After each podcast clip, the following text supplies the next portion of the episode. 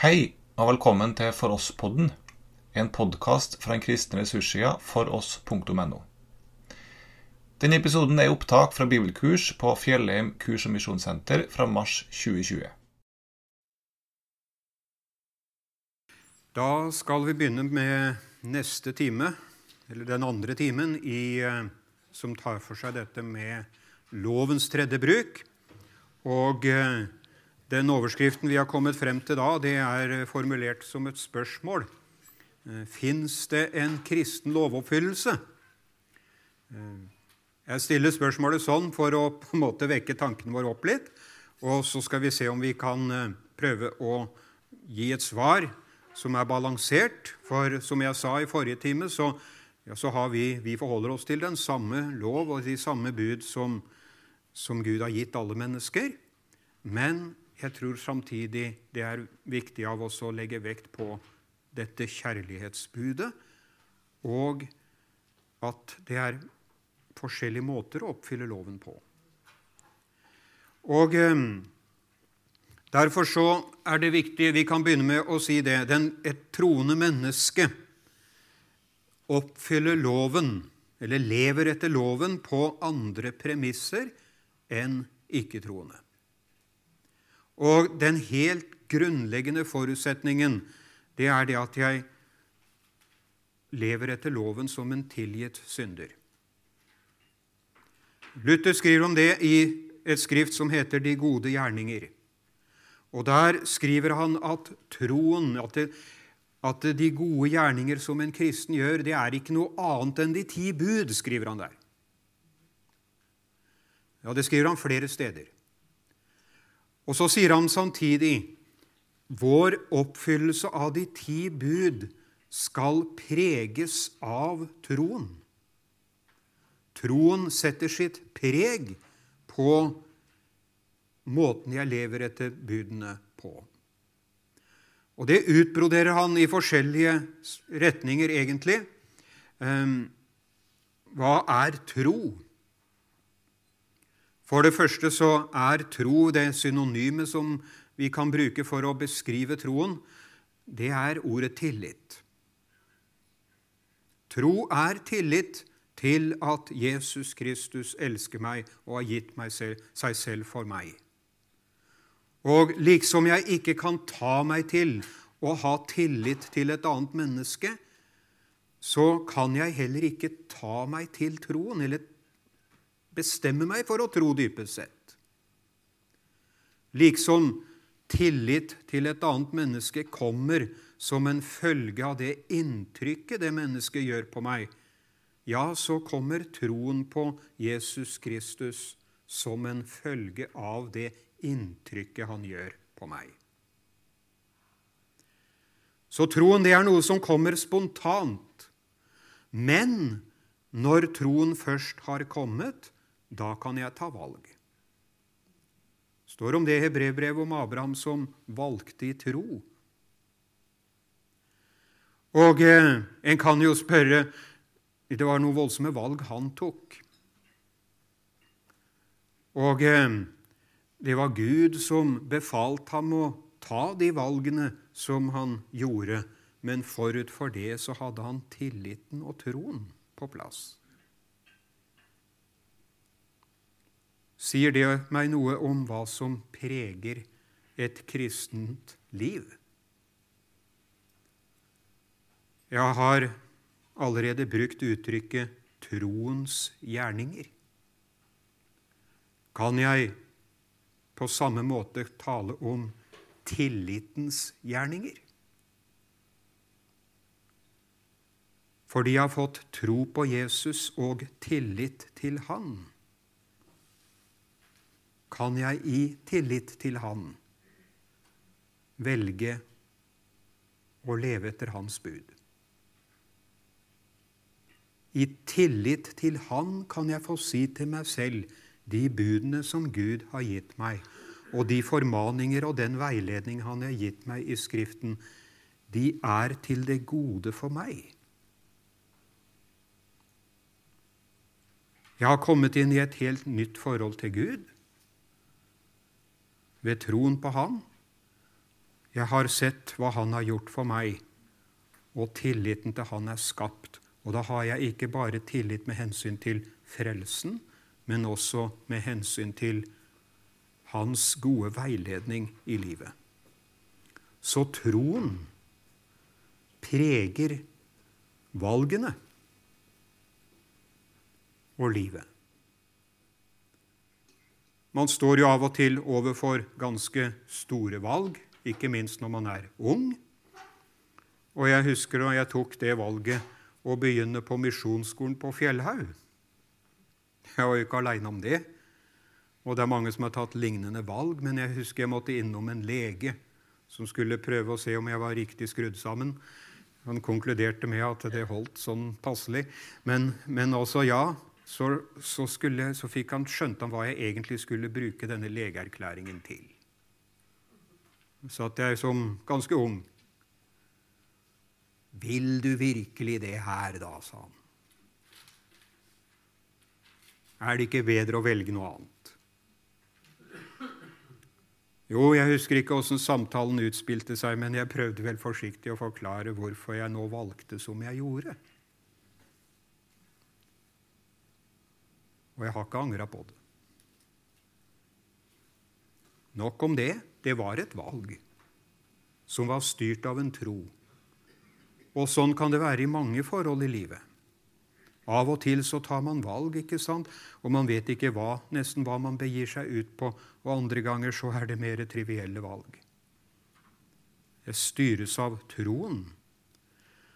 Og så skriver Luther videre i det skriftet om hvordan troen også farger eller preger gjerningene ut ifra det at den er den, den er et uttrykk for en tillit til Gud.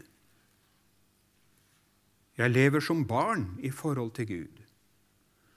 Og Han bruker et ganske dristig bilde for å illustrere forskjellen mellom en ikke-troende og en troende med hensyn til det å, å, å leve sånn. Han sier at når han sammenligner det med et ekteskap, og så sier han når en mann og en kvinne elsker hverandre og er trygge på hverandre, ja, så handler de med hverandre ut ifra det. De er gode med hverandre ikke fordi de er redde for hverandre, men fordi de elsker hverandre. Det sammenligner han mellom en troen, om forholdet mellom en kristen og Jesus Kristus. Har å gjøre med Han som elsker meg. Og jeg kan etter ringe evne prøve å tjene ham fordi jeg også elsker ham. Det er det, det som er basis, egentlig. Det er snakk om å, at kjærligheten skal virke styrende på min måte å oppfylle loven på. Og for at det skal skje, må jeg først stille meg inn under Jesu kjærlighet. Men så kan vi kanskje gå litt mer konkret inn i dette her. Har jeg bruk for Jesus med hensyn til hvordan jeg skal leve etter loven? Det er en eh, amerikansk teolog nok en gang. Det skjønner jeg leser litt av de folka der. Han heter David Scare. Har en stor og rung, sånn rungende bassstemme, visstnok, og folk de skvetter bare han sier 'scare'. Og det er jo ikke så rart når vi tenker på ordets innhold. Men eh, han har skrevet en del om disse tingene, og han sier det at, eh, at formaningene, det, det, når de kommer til kristne ja, så Det som er særegent ved dem, sier han, det er at vi skal ha Jesus som forbilde i vår lovoppfyllelse.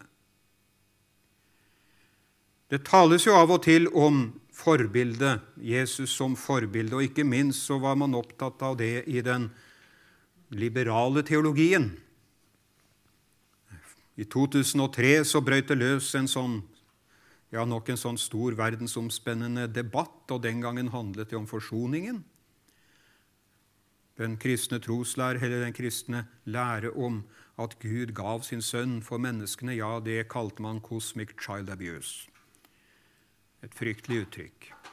De kritiserte den klassisk, eller den vanlige forståelsen av forsoningslæren, avviste den, og så sa de vi må bli opptatt av Jesus som forbilde isteden. Og vi har lett for å tenke litt lovisk om det med å ha Jesus som forbilde. At uh, han er den jeg skal forsøke å ligne. Jeg møter det ganske fra tid til annen iblant unge mennesker at de faktisk er opptatt av det å ligne Jesus. Og Da tenker jeg med meg sjøl det er da ikke noe galt i det. Det er jo faktisk det Bibelen taler om. Men vi må tenke om det på den riktige måten. Denne David Scare han skriver vi skal ha Jesu måte å oppfylle loven på som vårt forbilde. Og Jeg var litt inne på det i forrige time, avslutningsvis. Bare dette ene eksempelet med hvordan Jesus møtte den samaritanske kvinnen. Budene kan oppfylles på mer enn én måte, men vi skal stille spørsmålet kan jeg lære noe av hvordan Jesus gjorde det. Og skal vi få den rette forståelsen av Jesu måte å oppfylle loven på, ja, hva må vi gjøre da? Jo, tenker jeg, da må vi faktisk se på hvordan han oppfylte loven ved å frelse oss. Liksom Faderen har elsket meg, så har jeg elsket dere, sier Jesus, og bli min kjærlighet. Og ingen har større kjærlighet enn den som gir sitt liv for andre. Når vi tar for oss denne forsoningslæren, ja, så er jeg sikkert inne på noenlunde kjent stoff for dere, men vi skiller bl.a. mellom det vi kaller Jesus' stedfortredende lovoppfyllelse og hans passive oppfyllelse av loven. Hans aktive og passive gjerning i forhold til loven. Det var en skjelning som også kom inn under reformasjonen. Men jeg tror på den ene side at Jesus oppfylte loven som det perfekte og fullkomne mennesket i stedet for meg. På den andre side, i tillegg til at han gjorde det, så tok han også straffen passivt. Han oppfylte loven aktivt og tok dommen passivt. Men som en person skrev, denne aktive og passive siden som vi på en måte da deler dette opp i Vi må ikke dra det fra hverandre som liksom to parallelle løp, men det henger sammen. For å bruke det uttrykket hva er den ultimate form for oppfyllelse av loven? Jo, loven oppfylles ved at, blir, at det jeg gjør, blir til gode for, mitt, for min neste, for mitt medmenneske. Gud trenger ikke dine gode gjerninger, skal Luther visstnok ha sagt, men ditt medmenneske trenger det. Jeg skal ha det i tankene at min måte å leve på skal være til gode for mine medmennesker og min, mine nærmeste fremfor alt.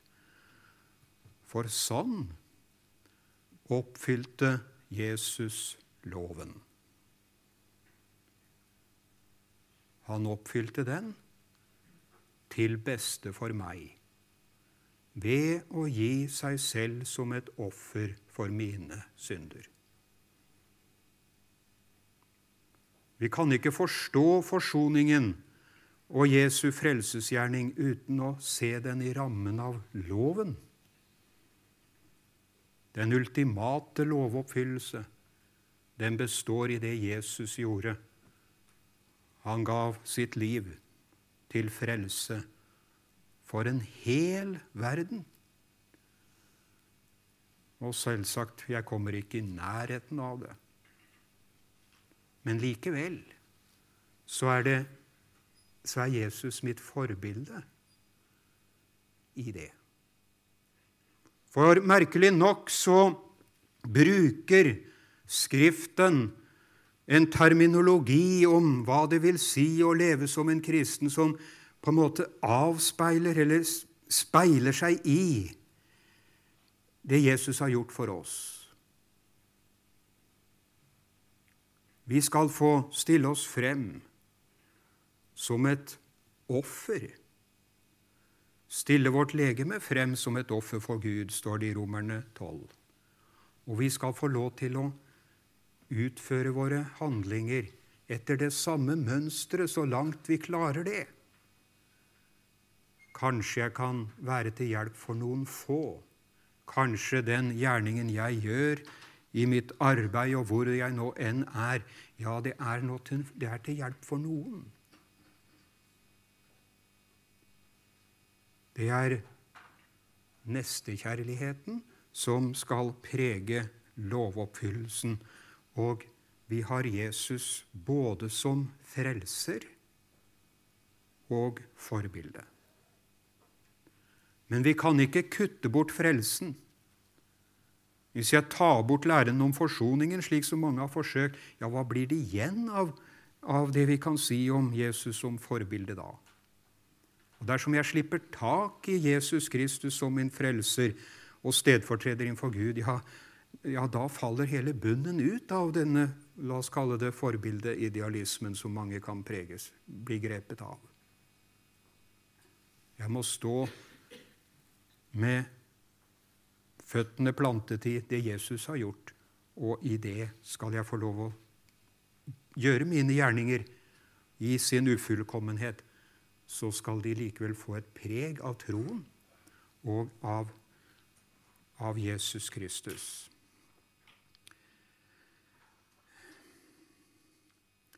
Vi skal prøve å, å sette det jeg nå har sagt, inn i et litt større perspektiv. For her tror jeg vi nesten står overfor en Vi har å gjøre med en tenkning da, som vi ja, Vi har bare tatt med oss noe av det som har blitt tenkt før oss når det gjelder dette her. Og eh, jeg skal prøve å gå litt breiere inn i det, hva det innebærer, og eh, at jeg skal ligne Jesus. Hvordan skjer det? Hva innebærer det? Den oppfatningen eller den måten å tenke på den, har, den er veldig gammel. I eldre teologi så Ja, hvis vi, vi tar det tilbake Vi kan reise tilbake holdt jeg på å si, helt til Ålkirken og f.eks. starte ved Ireneus, en av de mest å si, kjente og, og, og, innflytelsesrike kirkefedrene. Han skrev på 200-tallet om, om en, en, svær sånn teologisk fremstilling på, på, i fem bøker. Og eh, der taler han om skapelsen av mennesket, syndefallet og gjenopprettelsen. Og eh, det han skriver om det, sirkler rundt et ganske kjent tema. Et tema som vi har en del å si om, men som han har mer, enda mer å si om enn det vi er vanlig å høre, nemlig at mennesket ble skapt i Guds bilde. Første Mosbok, kapittel 1, 26-27, der taler Gud med seg selv. Det er den treenige Gud som samtaler med seg selv. Det har man ment og forstått i uminnelige tider. La oss gjøre mennesker i vårt bilde, sier Gud. Og så deretter, ja, så står det at Gud i entall skaper mennesket. Den treenige Gud taler med seg selv og handler som én. Bare det i seg selv gir oss et lite påminning om treenighetslæren. Men det er ikke det jeg skulle si noe om nå. Det står nemlig La oss gjøre mennesker i vårt bilde etter vår lignelse.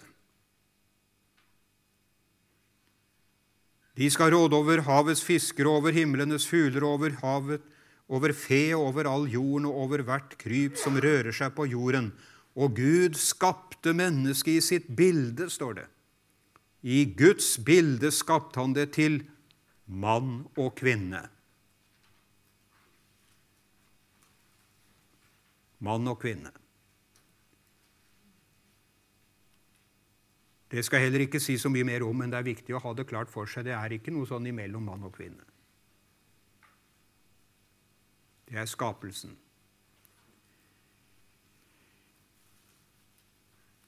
Men det jeg har lyst til å si noe om, det er hva selve skapelsen i Guds bilde egentlig innebærer.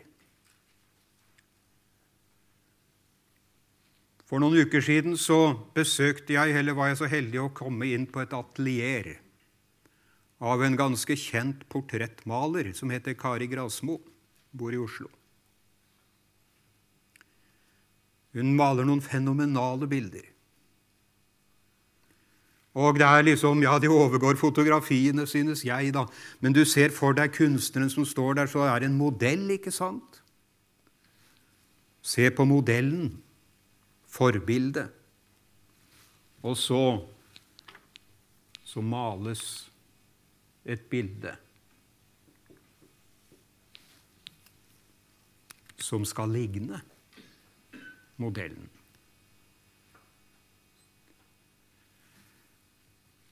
I oldkirkelig teologi, og det gjelder faktisk også reformatorisk teologi, så stiller man spørsmålet hvem er modellen mennesket ble skapt etter.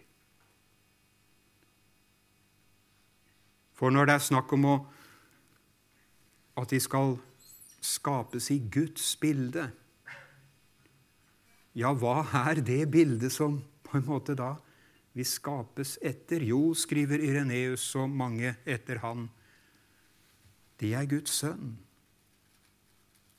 For det står jo i Skriften Kolossebrevet 1,15 f.eks. om Guds sønn. Han er Han er Guds evige bilde. Han er avglansen av Guds herlighet. Han er den som Gud Fader i evighet speiler seg selv i. Det er Gud, den treenige Gud, Fader, Sønn og Hellig Ånd. Faderen, Sønnen, Ånden, evige. Og fra evighet av så er Sønnen Faderens bilde i den forstand at han er identisk, lik med Faderen. Og det er han man ser for seg at mennesket skulle skapes til likhet med. Og Ireneus han skriver det sånn at eh, det der i seg selv er en, rett og slett en profeti om inkarnasjonen. En gang i fremtiden så skal Guds evige bilde bli menneske. Og så skal han være den menneskene skal ligne. skapt til å ligne Guds sønn. Og for at det skulle være mulig, ja, så måtte sønnen, Guds evige sønn, bli et menneske. For ved det å vise hva det er å være et sant og godt menneske. Men det som skjedde, det vet vi jo godt hva var. Syndefallet kom inn Og så blei Guds bilde i mennesket ødelagt.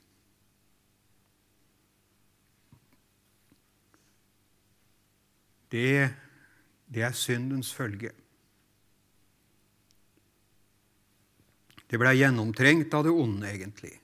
Ja, Blei det ødelagt eller blei det borte? Det kan man jo diskutere, men i alle fall så er, er det sånn at det må gjenopprettes. Det må skapes på nytt. Og eh, hva Hvordan kan det skje?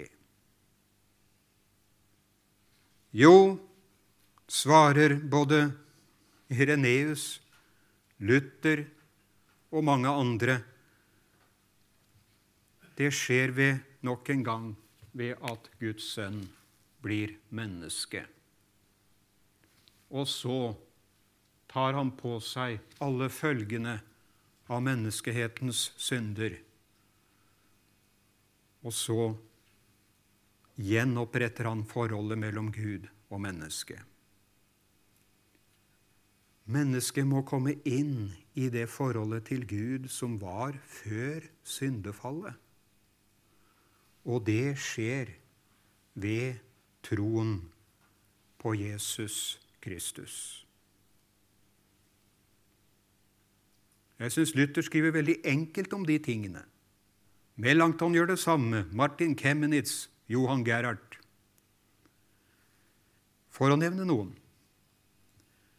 Når et menneske kommer til tro på Guds bilde, slik det er åpenbart i Jesus Kristus, da er også Guds bilde gjenopprettet i mennesket ikke totalt, selvfølgelig, men som det nye mennesket. Som lever midt i menneskets syndighet. Og hva er det som åpenbares når Guds bilde i Jesus Kristus åpenbares i denne verden, i den inkarnerte Guds sønn? Ja, hva er det som åpenbares da? Jo, det er to ting. På den ene side så åpenbarer Guds bilde i form av Guds evige tanker. Vi bruker jo det uttrykket av og til. Vi snakker om et tankebilde. Man ser for seg at, eh, at Guds evige frelsestanker de, ja, de er formet i et mysterium. Det brukes jo det uttrykket i Skriften. Her er det noe som jeg ikke har sett eller hørt før. Det er et stort bilde av hvordan Gud har tenkt fra evighet av om hvordan han skal frelse menneskene. Det åpenbares, blomstrer, gjennom århundrene, holdt jeg på å si, gjennom Det gamle testamentet. Der tales det om Guds bilde, Jesus Kristus, som skal komme til verden, Messias, hva han skal gjøre. Og i tidens fylde så blir det bildet levende. Kommer inn i verden. Og så gjør han det som ordet har sagt. Bildet av Gud er levende. Og han gjør nettopp det som jeg sa tidligere. Han oppfyller loven ved å frelse meg. Så kom jeg til tro på Han. Og hva var meningen med det? Jo, det tapte gudsbildet skal gjenopprettes. Og det står mye mer i Det nye testamentet om Guds bilde i mennesket enn det står i Det gamle testamentet, for der finner vi det bare i noen få kapitler i Første Mosebok. Men hos Paulus så ser vi det ganske ofte, eller i hvert fall noen steder. Der skriver han om hvordan Guds bilde i mennesket gjenopprettes. F.eks. i Romerbrevet 8,29. Der tales det om trengselen, de vanskelighetene som en kristen må regne med kommer til å ja, han kan bli møtt med. Det er litt forskjellig hvordan det måles ut til den enkelte. Og det kan være vondt å se mange ganger. Og det er så uforståelig. Men står det i Romerbrevet 8,29. De han forut kjente, forutbestemte han til å bli likedannet med hans bilde. For at han, dvs. Si Jesus, skulle bli den førstefødte blant mange brødre. Altså ved trengslene så former Gud oss. Han eh, tegner Guds bilde inn i oss. Jesu bilde. Merkelig nok så kan troen styrkes i trengselen. Og så er det en side ved det bildet som Bibelen tegner av Jesus, som også til tider blir tydelig i kristne menneskers liv, tydeligere hos noen enn hos andre. Det er trengselen, forfølgelsen, motstanden. At man fremkalles og eksponeres nærmest som et bilde i verden av Jesu kjærlighet og hans lære om hva et riktig menneskeliv er. Det blir stående i en slags kontrast til den mentalitet som gjør seg gjeldende. Andre kor, kapittel 3, vers 18. Vi ser her Herrens herlighet som i et speil, står det. Ja, jeg ser inn i hva Jesus har gjort for meg, hvordan han oppfylte loven for å frelse meg, og hva skjer? Jo, står det her, jeg blir forvandlet til det samme bildet, fra herlighet til herlighet. Så det er snakk om en gjenopprettelse av det tapte gudsbildet. Og den gjenopprettelsen den innebærer mye mer enn at mennesket da skal styre skaperverk og sånne ting. Den har det jeg vil kalle etiske implikasjoner. Den skal prege min måte å leve på. Men først må jeg selv bli preget av Jesus Kristus i mitt indre. Og da skapes det noe som er i kontrast ikke bare til verden, men til mitt eget gamle kjød.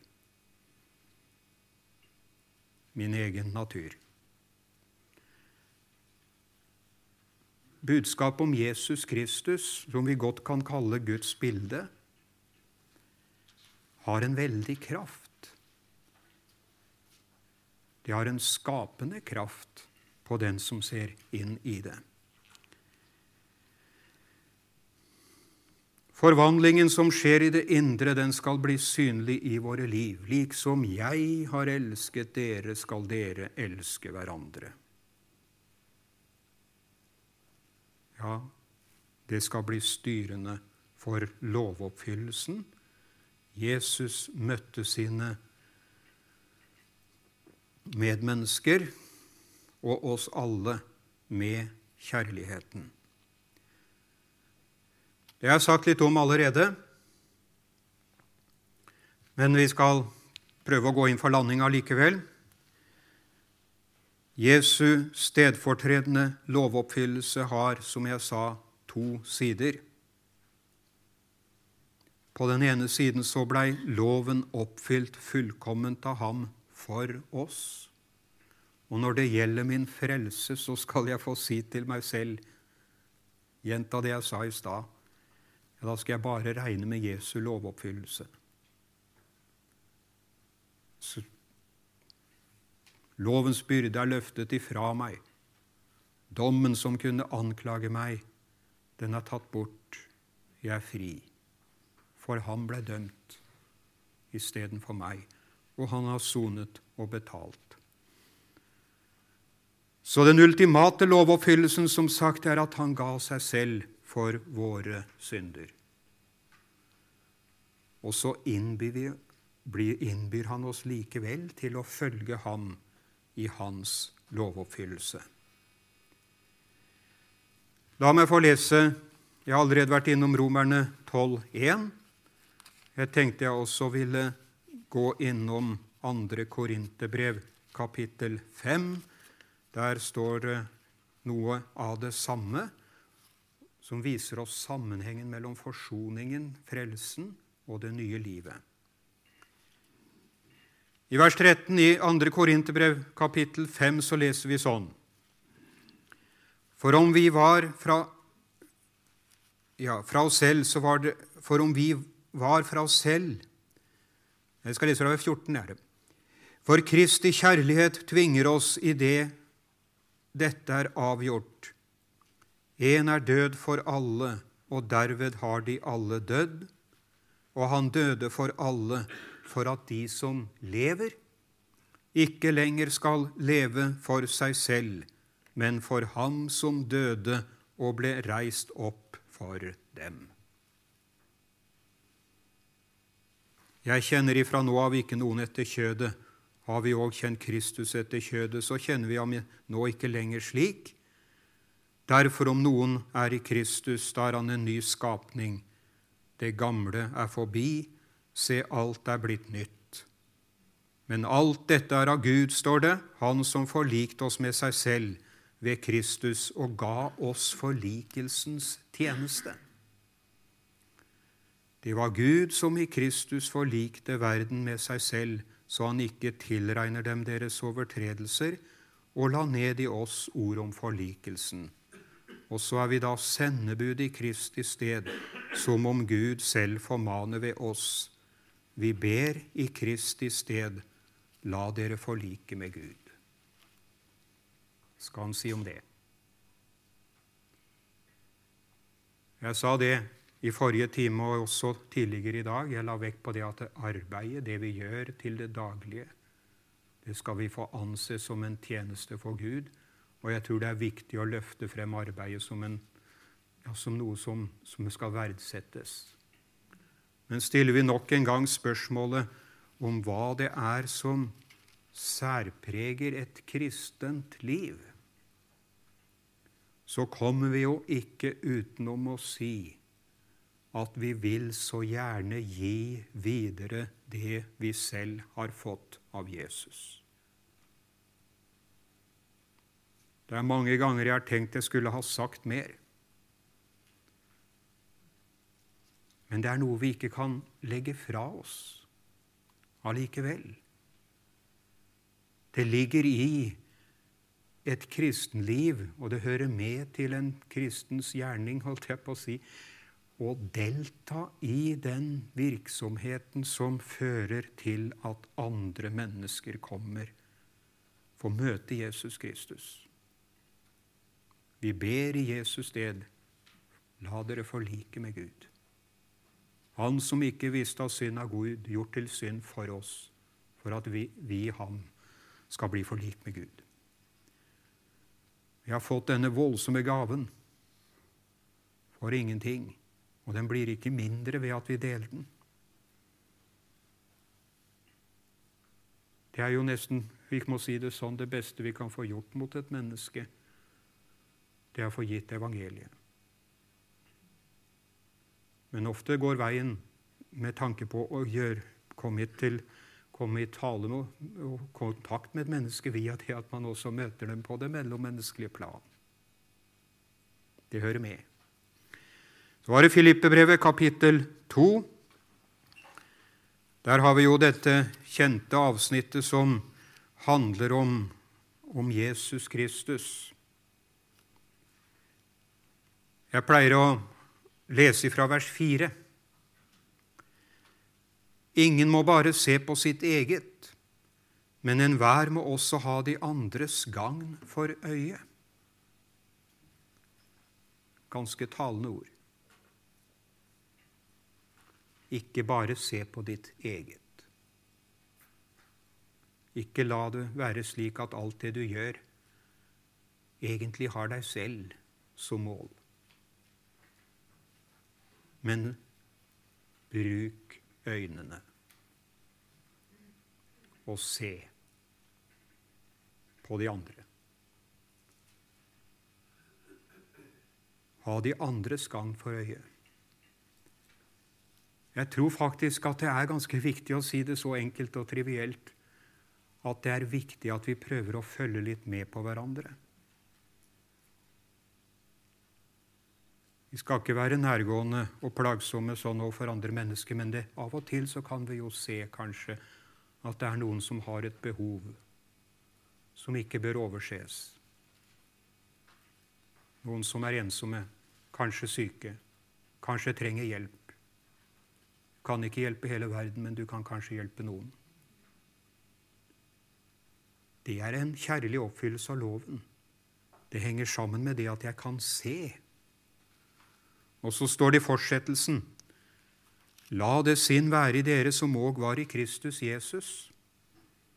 Han som, da han var i Guds skikkelse, ikke holdt det for et røvet bytte å være Gud lik, men uttømte seg selv idet han tok en tjeners skikkelse på seg, og da han kom i menneskers lignelse, og da han i sin ferd var funnet som et menneske, fornedret han seg selv og ble lydig til døden, ja, døden på korset.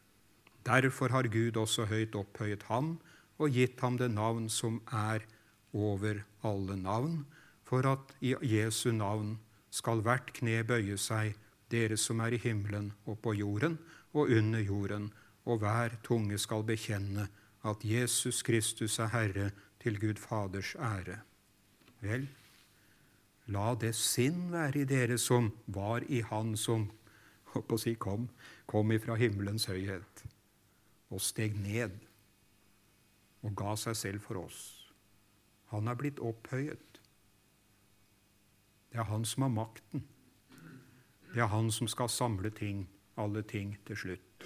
Og så må vi tenke som så at vi som kristne må leve sånn at vi kan tjene Han med tanke på det som er hans vilje med oss selv og våre medmennesker. Hvert kne skal en gang bøye seg for Jesus. Det er så viktig å komme på den riktige siden. Få del i frelsen, slik at vi ikke går fortapt. Det er det, er det viktigste i den gjerningen vi skal få være med på. Å bringe mennesker over i troen på Jesus. Takk, Jesus Kristus, for ditt ord til oss. Be om at du må gjøre det sånn at det blir til hjelp for oss.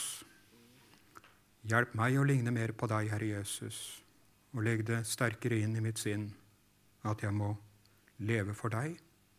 Og takk, Herre Jesus, at du midt i alt hva jeg gjør, så kan jeg få lov å regne med at du har gjort alt som trengs for meg.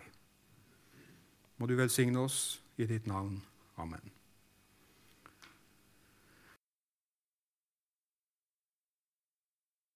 Du har nå hørt opptak fra bibelkurs fra Fjellheim kurs- og misjonssenter. Du finner mange andre opptak med undervisning på foross.no.